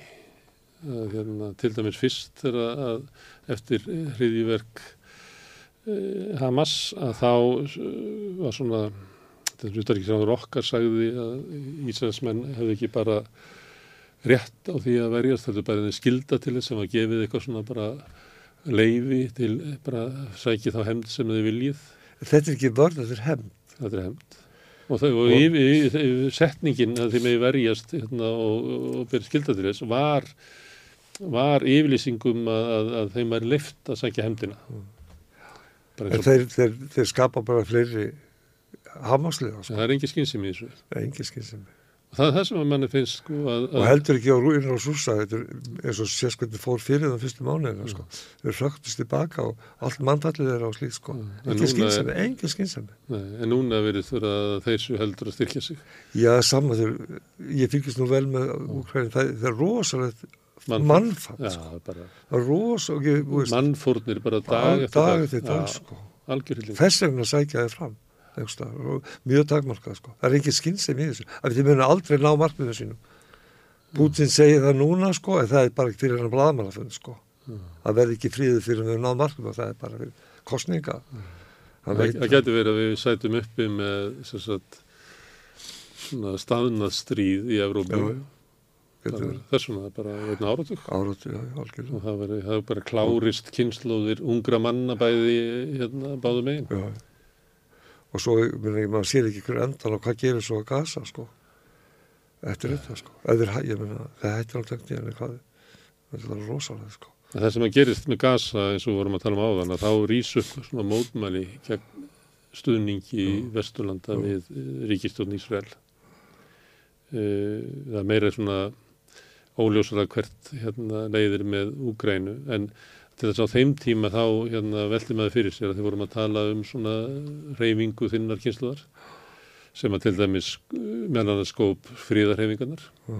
og hérna þá var, fór maður alltaf að vita hvað er ekki fríðarreyfingar í Európa lengur? Og það var það er rættir heyrðust ekki, allt í nú voru allir bara á bakvið NATO og, og Pentagon. Já, það, ég, það er engin subkultur þannig eins og var á þínu tíma. Nei, nei, nei. Maður finnst það, sko, ég, ég held líka oft, sko, ég reynir náttúrulega að mæta á mótmælinn ástandin í Ga- hérna, yfirgangi Ísraelsmenn í Gaza. Ég held maður að gera það líka til þess að sína stuðning, sko. Ég hef ekki, ég held að Ísraelsmenn fari bara sínu fram, Já. sérstaklega með að hafi stuðning bandaríkjana. Það skilur, þú veist, það mun ekki, þú veist, jáfnvel þó að Ísraelsmenn ríkistjórnin og Evrópa, sem er gott líka að fá það til að gera, fordæmið þetta var náttúrulega slið, sko. Það held ég, því miður. Og það er helst þá einhver mótmæli í bandaríkjanum sem geta haft einhver áhrif, sko. Mm. Sem ég sé ekki gerast. eins og var á Vietnamstríðinu En það er ekki að sami bandaríkjum er ekki sjálfur innvolver eða sko nafninu til. Þeir eru ekki að senda drengjana sinna til að deyja þarna, sko. Þannig að það verður aldrei eins reyfing, sko. og það er, er stittra í það að bandaríkjamenn hætti stuðningi við Úgrænu heldur en Algjörlega, miklu stuttra. en akkur kallar þetta sjálfsjálfarbók? Það er nú meira í svo, svolítið, eh, hvað ég að segja, það er svolítið svolítið írónía í því að kalla þetta að einhver Þetta er, svona, þetta er svona fyrir, ég kalla þetta, þetta er allir ráð fyrir hinn hjálparvana, hjálparstarfsmann. Já, þetta er líka, út á forminu til að halda þessum sögum saman svona. En það er, já, það er vandi að viðhalda trúsinni á að maður sé að gera gagn vissulega. þegar bara margt í umhverfinu segir að svo sé ekki Já. varst þú í því að, að, að styðja aðra hjálpastarsmenn svona, Ég var því nema Já. þarna, þá var ég beinins að styðja Já. flóttamenn og ég, ég hef þessi fjóru missjónu, þá var ég tvisar að styðja aðra hjálparstarfsmenn, tvisar var ég að styðja sem er svona því svo sálgjastla Já, meira, já, meira, þú veist, styr, styrkja og svo bríf þeirra að koma og senda fyrir að tala við það og reyna líka að greina hvað þarfir þið hefðu svona þegar kemja sálarnar stuðningi. Mm. Þannig að, já. þú sagðir þetta áðan að, að þetta starf og þessi að svona það sem að þú endar með því að gera hafi kannski valið í einhver Já, ég ætlaði mér aldrei að fúti þetta. Kannski værið að meðvirkið drengurinn Jú, jú, algjörlega. Ég hef sagt að er hann þarna á staðnum ertu með meðvirkað drengin með þér ég tala törður um meðvirkni í bókinni. En ég, ég, þetta er ekki um mig, sko mikið. Þetta er aðalega, sko, um fólk sem ég hitti. Já, ég, ég er að tala með að er, þegar þú ert á þessum stöðum Já, og tekur líklega inn á þig, býst ég við, ef þú ert, tekur inn á þig Já. hérna, já, annara, já, þá er það meðvirkið drengurinn sem er þarna. vissulega. Já. En bæði til gags og ógags, sko. Já. Mjög sérstaklega satt í Bangladesh, þá var ég, átt, var ég átti átt erfið, sko. Bara þau reyni að harka að mér, sko. En, ótt bara með gráðsæri hverkóla, sko, í vinnunni. En líka þá á ég auðvöldis með, já, auðvöld með að fá fólk til að segja mér allan anskotan, sko. Mm. Það, það, fólk sem ég kannski hef lært meðvirknin eða kjent mér, sko. Mm. Fólk tristi mér fyrir sínu, sko. Skipti máli. Og líka hérna, ég sem bara segja eina, fræ, eina fræðarsögu. Já, sem ég Sko, komin hann aldur. besta, mesta afrygg mitt í hjúgrun sko, stærsta afrygg mitt það var í hérna Madiguri, það borginni það Madiguri í norðestur Níkaríu, þar sem Já. Pókaharam eru öflugast og ég hafi verið með námskeið fyrir Rauðakrossliða sem voru að vinna það sjálfbóðlega Rauðakrossins þetta var mjög dásanlegir hópar. Og hérna yfirleitt, og svona millist, svona bifjarlega virkjar og, og hjúgrunarfræðingar og Mm. kennarar og svona fólk sko. Og þarna voru ungi menn sem voru að byggja upp starfsemi Rauðakrossins frá Svist hvað þeir voru sænskur og, og þeir voru sem sagt að opna þarna skrifstofu mikið, að mjög og svo já, hitti ég þennan hóp noksunum og, og hérna svo ringdi einn af þessum strákum í mig og sagði endur að segja mér það að kona sem hafi verið þarna ég hafi verið að tala við Mm. Hún hafi lendið því að löggan hafi skotið okkur unga menn þarna göttunni hjá henni. Sem að, því gefni hafi verið hliðverkjumenn sem örugglega voru ekkert sko. Og, en, og það, þá hafa munað eitthvað eftir sem Paul told me. Já, og það hefði hjálpað sér. Og hann hringdi þess að segja þetta þessi ungi maður ég þetta mér væntið og svo spyrir, veist hvað var það sem ég sagði við það já, ég glemd að spyrja það það er svona, svona moment sko, svona moment sem maður hérna lifir á. Þá hérna þá hefði veitt, orðin veitt þessari konu styrku þessum, þessum aðstæðum sko. Herðu, þú hefur verið unnið við, hvað, ummununarstörf. já, ég geð, geð hjúka sko. Já, já, já, og það er hérna að vera hjúgrunafræðingur er kvennastarf. já, já, Það voru ekki margar karlhjúkur, nei, nei mjög fár, bara örfár og er enn þá, eða ekki? ég var náðins að fjölga Aha. síðust, já, það- já, í skólanum sko, Já. ég veit ekki hvað það skila sér út í, í vinnuna, strákanir Hvernig var það að, að velja svona kvenn, kvennastarf? það var, mér far, það var bara stæla sko Já. alveg. það var svolítið í takti minn, minn, minn bakgrunn sem, Já. sem hippi og byltingasinlega sko, Já. að gera eitthvað hérna, gera það sko, veist það var bara á allt í lagi sko. Það aðeins ekki fyrir mig, aðeins ekki fyrir mig. mér minni að kall- þú verið kallar hjúka mér finnst það allt fínt að kalla hjúka mér finnst það og ekki orðið fyrir neinu aðkasti. Nei, ekki aðgæðs sem svo skemmtilegt eins og því ég maður vera í námi þá var eldri hjúgrunarfræðingur svo gála svona stálmi Æ, það er svo gott að fá stráka í hjúgrun, við þurfum svo ofta að lifta þungum sjúklingum. Eitthvað svona sko. En, hérna, en ég hérna já. en það var líka ég, mér fannst líka það var líka hluti að ég var, var virkur alkoholisti þegar ég byrjaði hjúgrun og það var hluti kannski af hugsunni að ég vissi þetta væri leið út sko. Þetta nám gæði mig tækifæri til mér til að ferðast og fara að vinna annars staðar og svona. Það það hefur verið hluti að því sko. Að hafa valið þetta nám sko.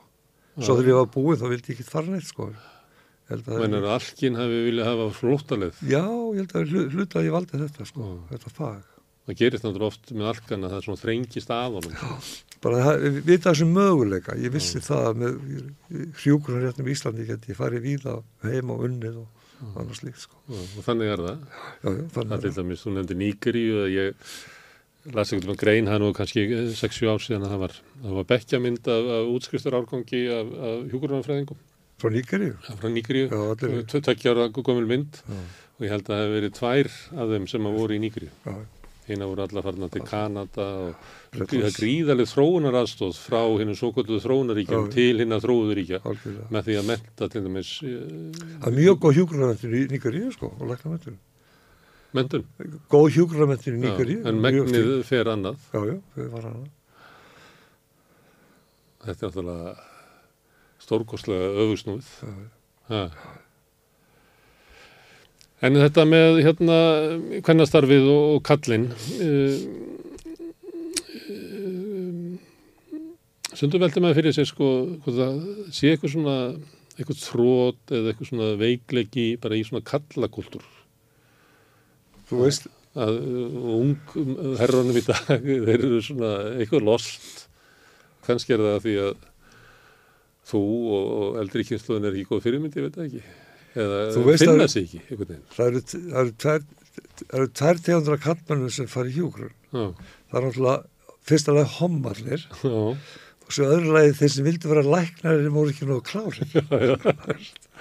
það er þessi tveir sko. já, Það er erfitt að sagja, Ísland er mjög sérstæð þessu leiti, það er miklu fleiri, þetta er mjög sér tökum landi eins og Bretland Mm. og Írland, það er meirut mjög skeðhjúgrunarfræðinga, Mm. helmingu þeirra eru kallmenn og miklu fleiri. Ég veit ekki hvað er með íslenska kultúr, Mm. það er eitthvað sérstak með íslenska kultúr. Þessu, ég segi það ekki að þeir eru ennþá í minnirut, þeir eru kannski 20% og þeir, ég svo í Noregi, mm. Norrlandal. Þetta er eitthvað, hérna í Íslandi verið halvt prósent, 1% eitthvað svona. Sko. Þetta er eitthvað með kannski, er þessi þessi sjómanna kultúr sko, mm. vera alveg skaffari, mm, þetta er ekki, ég veit ekki. Sumi vilja kenna því um að það er ekki herskild á Íslandi. Að við margir já, kynna sjúkrunni gegnum það. eru, eru eins og, þeir Eins og með sjókokkin að, að kallar eld út á sjó Já, og já. aldrei landi. Já, já, já, já, já, já, já, Já. já, já. Þannig að, og eða elduðu bara eða þau fengur borga fyrir það. Kokkarnir voru það. En ég ætlaði að spyrja þig að því að hérna, þú ert kall já, og þú ert að þessari kynslu sem við vildi breyta til dæmis, þú lifir á miklum unisex árum Já, sem allir klættu sér bara eins. Ég held að það var hægt að segja líka, ég valdi Já. fæið, sko. Já, þú líklega hérna, hættir að sjá brjóstarhaldara bara um 1970 og sást það svo ekki bara fyrir guðmaður þetta kunnar aftur.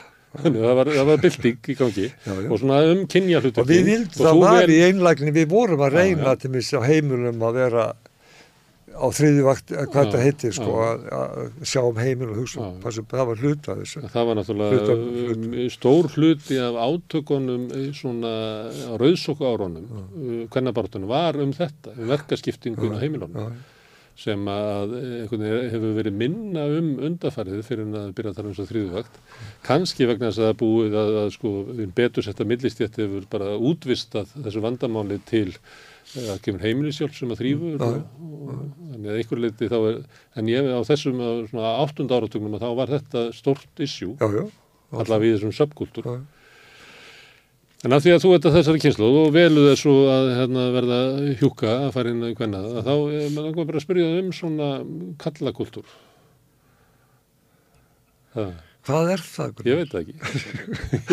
Ég er, er það, ég sé þetta fyrir mig sko eins og s- hérna, að sita á kránum með bjór og horfa og elska bolta. Ég er það Það er- kalla, kalla, kalla, Talandi um það, að ef við- ef við takist að fara og ná í alla kalla og ungherra sem eru að horfa á einska boltan, þá getum við gert byltingu.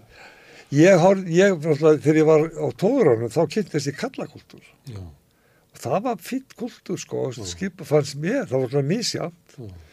En það var mikið bróðerni og, og fólk, menn voru góðu við hvern annan og svona, veist. Og það var ekkert það var ekkert að hugd pæla í, því, voru ekkert að setja okkur þar sko. Þetta væri hvað þetta væri sko. Ekki umræður um borg, þetta væri kallakultúr. Ha. Það var hérna, þannig að ég hérna, ég, ég svona, já.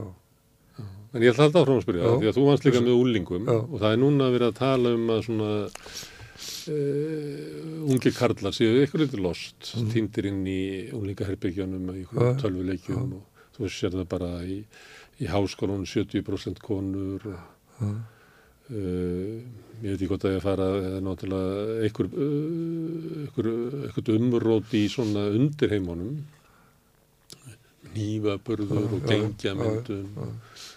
og einhver með, ná, ég ætla að pröfa að kasta það á þig með það hvort að sé einhver svona það sé einhver svona menningarlegt með kallana, þeir sé ég einhvern veginn Eitthvað. Svo eru við náttúrulega með menn á okkar aldri sem eru tuðandi yfir öllum breytingum í samfélaginu, upplifa séu að missa status og, og fara eiginlega á móti sko gænfrelsisbaráttu og, og, og þól ekki fólk sem er trans og þól ekki innflytendur og ég veit ekki hvað og hvað þannig að, að, að kalla geta orðið helvíti erfiðir sko, ef þeir eldast ítla þá geta orðið helvíti slæmir. Sko. Ég held að þeir kallar alltaf verið til sko. Já. Það er bara, nú hafðu við vettvang, það er tjá sig. Já, að hún ringi út og, á Facebook að ringja út á sögu sko. já, Fyrir þetta með sko ég held að að sko ef ég að bera saman mína kynslu sem strákur og núna það er gerða miklu meiri en þetta til bæði stráka og stelpna að, að, að sitja kjur og vinna einhver leið, leiðileg verkefni. Og ég held að stelpur eigi kannski bara auðveldara með það að hérna strákarnir er einhvern veginn eiga erfiðara með það að, hérna, að, og þá brýsta út svona, þeir gleyma sér einhver tölvuleikjum og hérna og þetta með minna, eða ekki bara ákveðin þróið, það voru alltaf eins og ég mann þegar ég var, sko ég gerði nú hérna, doktorsýðgerinn mín var um úrlinga ábeldi Mm. og þar hérna sko fólk, fólk er, ég, gr, sko grunnur ábeldis oft er, er oft reyði fólk sko. Og það er oft meiri reyði í stráku fyrir því að það er eitthvað skipulagt sko Mm. að það er annarkvort þessi reyði Af hverju er meiri reyði strákum? að, að því Er að þeir ég held að sé bara, bara lífræðileg munur kynina líka sko það er líka reyði stelpum að brista þessu fram sko Mm. og hérna og það er hérna hún og, og, og st- eins og hérna þessari rannsókminni sko þá voru stelpurna reyðar af því einhver hafi gert þeim eitthvað þessu voru reyðar strákarnir voru reyðar vegna að einhver stóði vegi fyrir þeim Mm. það var eitthvað sem stóði vegi fyrir mér ég barði hann að pappa því hann vildi ekki leif mér út sko. Mm. skilur, það var ástæð, ekki vegna þess að pappi þannig að það er lífræðið uppeldinu, það er svolítið að kynja mér þarna sko. Mm. og hérna og sjálfsagt er eins og því sem gengjum og svona þetta er náttúrulega kallar, þessar strákar verið hluta sko þessum, já, Það er líka að gjósa upp svona með að, ja, því að talaði um svona kalla okkar aldrei. Það er líka svona kallar yngri menn sem eru með svona svona gegn vókisma og Já, já. þessu breytingum, það Já, er já. minnst að vera freka vaksandi í samfélaginu, Já. svona eitthvað svona karla anspyrna já, gegn einhverjum breytingum í samfélaginu sem að þau upplifa sem ógn við sig eitthvað neginn eða allt sé, allt sé að leysast bara upp í einhverja vittleysu. En getur ekki líka verið jákvægt sko? Eð, kannski ég hugsa nú að, að þess, þessi vókismin, eða við Mm. talum vókis, það er mér svo réttindi hilsir fólks og svona, Já. hefur náð svo, Við erum, að, við erum að nota hægri hugtök hérna, við erum að reyna að fá okkur skynsemi með hægri hugtökum. að, hérna, að það hefur náð svo góður fótfærs í samfélaginu.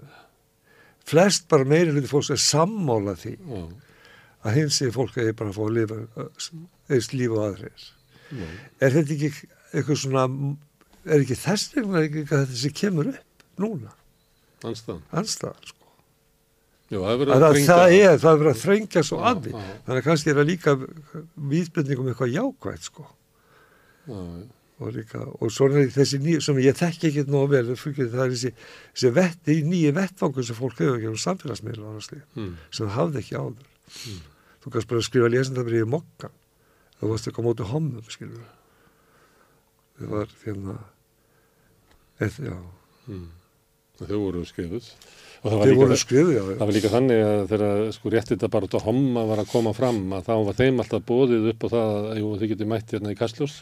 En ég að ræða hérna við þennan mann frá krossinum. Þá er alltaf fundin einhver svona gaur á mótið sko. þeir gátu aldrei talað um sín mál á einhverju svona eðlilegum grunni. Heldur þurftu alltaf að sko sæ, eh, sækja gagvart einhverjum sko eh, hérna, öfga við, viðhorfum sko. Já, mm. Herðu, já, þú ert hérna fyrir ekki það þú sendir lættir þessari bók svona út, það er nú ekki mikil háfaði í kringum það höfður útgáfuna? Já, þetta er náttúrulega svona lítið bók eftir óþættan höfund. Já, þannig að hérna og það er mikil, það er mikil frambóð ég held að það hefur komið 45 ljóðabakur út nýjar núna árinu. Nei, ég reyna að halda þessu lofti sko. Já. Algjörlega, eins og ég get En ég greip tækifærið og fekk því svona til þess að segja mér undan ofan að Já. frá kynnslóðinni og ímsu. mm. Já, Gaman að fá þig. Svolítið, gamla, gott að tala við. Já, takk. Herðu, þetta er lokin á helgispjallinu. Uh, hér á eftir verður ímyndlegt á dasgrá bæði í sjónvarpi og útvarpi. Við ætlum að, að spila svona sirpur af viðtunum sem við höfum haft hérna meðal annars um uh, skólamálinn sem við höfum reynd að krifja hérna við Rauðaborðið. Svo að morgun uh, verður uh, mótmæli í morgumatt klukkan nýju, Otni Eir Ævarstóttir fjallar þá um ansbyrnu í samfélaginu og svo verður þjóðmálaþátturinn Sinir Egils klukkan 12.40, 20.01 þar sem að við ræðum svona fréttir og ástandið í samfélaginu ég og Sigurjón Magnús bróðuminn við gesti og gangandi eins og sagtir en ég segi bara góða helgi. Segðu það á samstöðinni